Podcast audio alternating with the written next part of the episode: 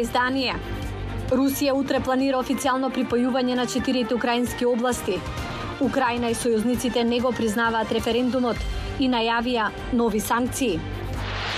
Денес, ново истекување од руските гасоводи. НАТО вели дека сите достапни информации укажуваат на саботажа. А по самитот за безбедност на храната на маргините на Генералното собрание на ООН, лидерите предупредуваат на глад во многу држави. Останете со нас.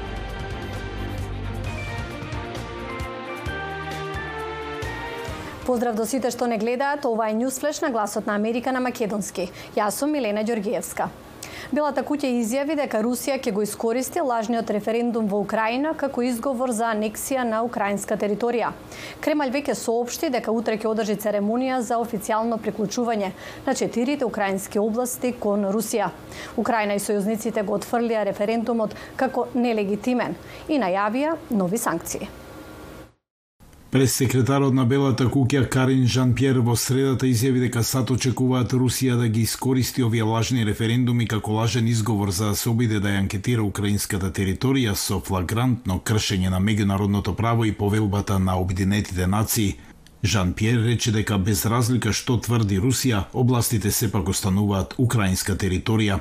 Председателката на Европската комисија Урсула вон дер Лајен во средата рече дека Европската унија планира да одговори на сеопфатни нови забрани за увоз на руски производи и да прошири забраната за извоз за да го лиши воениот комплекс на Кремљ од клучните технологии. Ова ќе ги задржи руските производи надвор од европскиот пазар и ќе лиши Русија од дополнителни 7 милиарди евра приход, изјави вон дер Лајен. Портпаролот на Кремљ Димитри Песков за новинарите во четвртокот изјави дека во церемонијата ќе учествува и рускиот председател Владимир Путин заедно со шефовите назначени за четирите региони каде Русија ги организираше референдумите што завршија предходно оваа недела.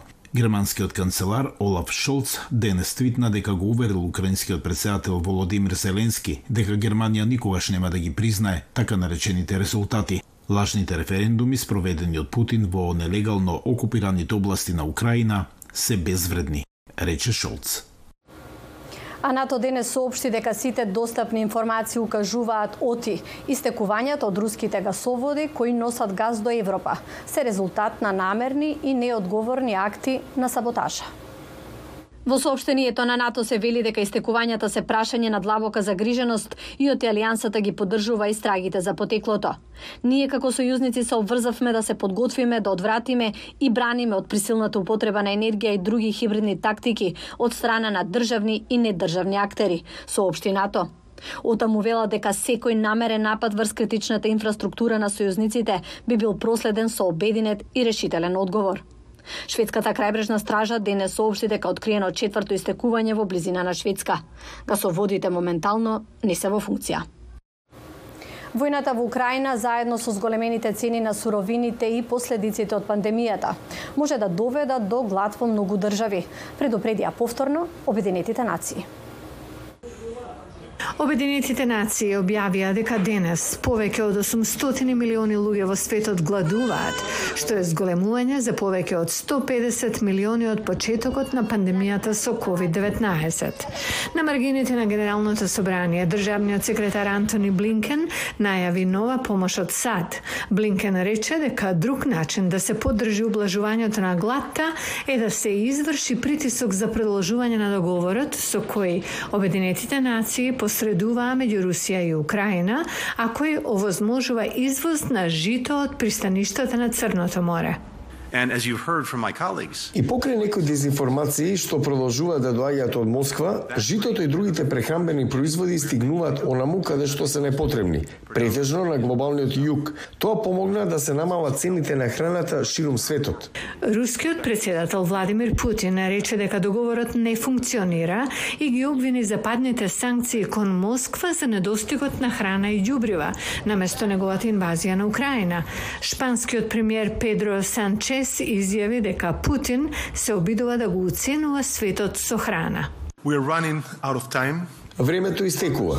Ако земјоделците не добијат ѓубрива во вистинскиот момент, Сиромашните или дури и повеќето земји ќе продолжат да чувствуваат влушување на ситуацијата.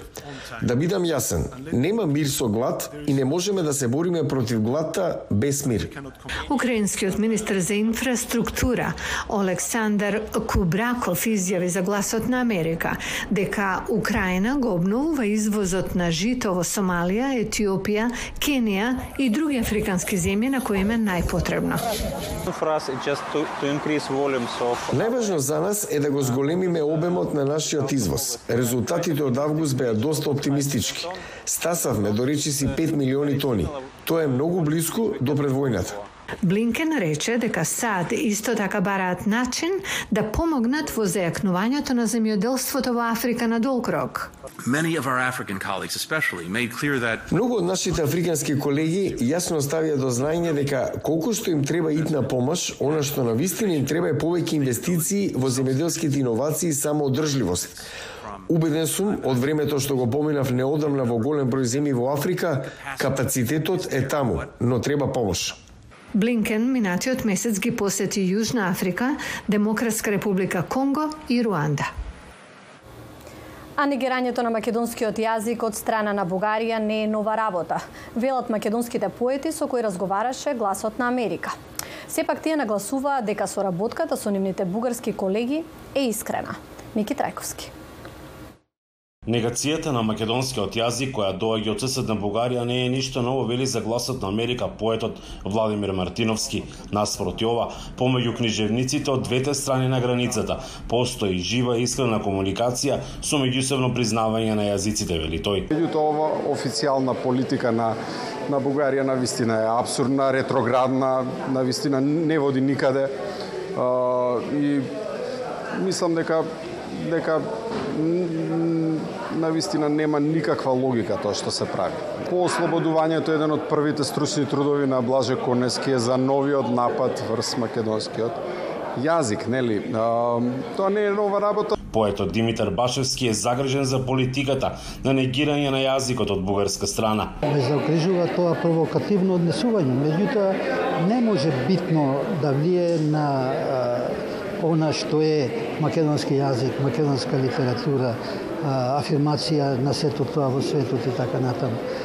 Мислам дека долгорочно, долгорочно тоа ќе биде превозмогнато и а, тие тие сили во Бугарија ќе се најдат во една многу непријатна ситуација. Ме, ме труе она што го слушам, меѓутоа, подолгорочно мислам дека Бугарија ќе се најде во дефанзива. Бидејќи ова што се прави сега е многу невкусно, многу грдо на него. Сметаат дека се тоа нема да влие врз пишаниот збор и понатамошно отворење слободно од страна на македонските поети. Секако дека не сето она што е создадено на македонскиот јазик и што ќе се создава е најубав доказ за убавината на тој јазик. Тоа е тоа е меѓународен светски стандард, тоа е тоа е нешто што е цивилизацијска придобивка. Токму работа да да мислиме дека македонскиот јазик, македонската поезија би била би била доведена во во некоја во некоја овој опасност. Не, не, не, не, не. Сепак се ова а, непријатни, не неважни работи, меѓутоа не смееме да мислиме дека до таа степен можат да не загрозат. Башевски вели дека државата може да го заштити македонскиот јазик преку соодветна подршка на домашната литература, манифестации, истражувачки институти и афирмација во странство. Од Охрид за гласот на Америка, Мики Трајковски. А повеќе за ураганот во Флорида кој предизвика поплави и остави 2 милиона луѓе без струја. Може да прочитате на нашата веб страница и социјалните медиуми. И со оваа информација се одјавуваме. Јас сум Елена Ѓоргиевска. Пријатно да утре.